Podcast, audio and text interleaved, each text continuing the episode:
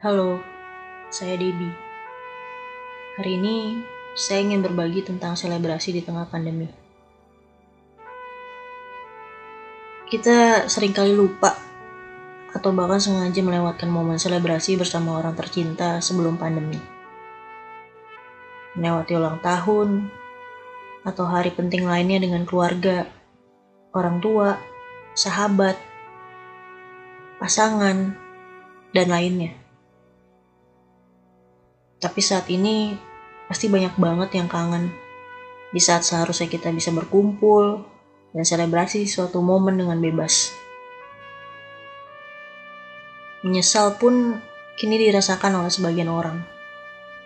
Semua serba terbatas. Harus jaga jarak, bahkan gak bertemu dulu sementara waktu. Rindu sudah menjadi teman buat semua.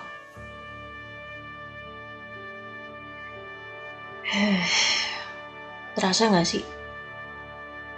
Saat pandemi ini, kita seperti ada di suatu waktu yang super lambat. Tapi menjadi super cepat secara tiba-tiba. Terkadang terasa lambat karena bosan banyak berdiam diri di rumah. Nggak melihat pergerakan di luar sana.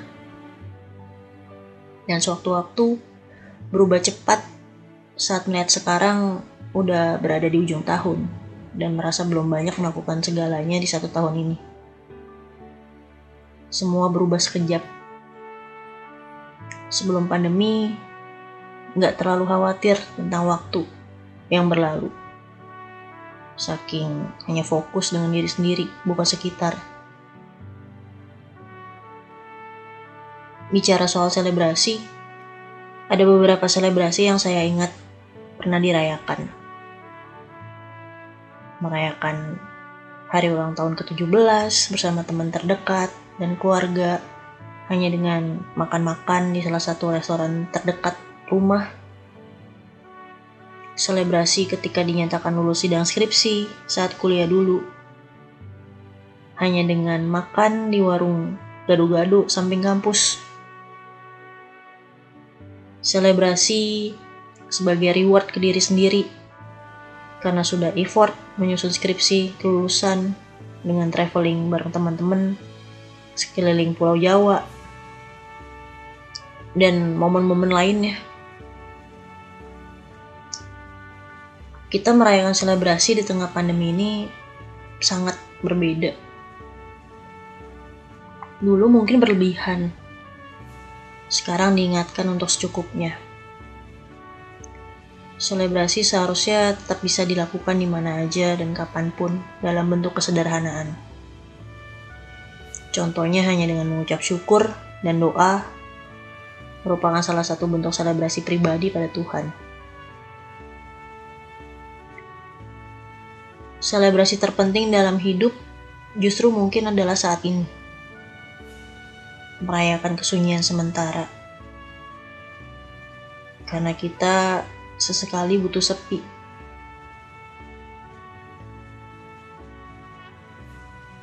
Pasti banyak harapan yang tersusun rapi di awal tahun. Namun, satu persatu harus diikhlaskan. Tapi pasti akan kita kenang juga di kemudian hari, bahwa dari saat ini kita belajar untuk lebih menghargai waktu. Pada akhirnya, makna selebrasi bukan sekedar merayakan, tapi menghargai waktu yang ada. Karena dari pandemi kita belajar juga waktu sedikit atau sebanyak apa pun nggak bisa kita ulang. Nikmati momennya. Terima aja hasilnya. Berdamai dengan keadaan. Tahun yang baru di depan mata. Sambil bebenah diri menghadapi tahun baru yang kita sendiri juga belum tahu akan seperti apa. Tetap selalu ingat menghargai waktu yang kita punya nantinya. Karena lagi-lagi kita boleh berencana, tapi waktu kita tetap ada di tangan semestinya yang maha menentukan.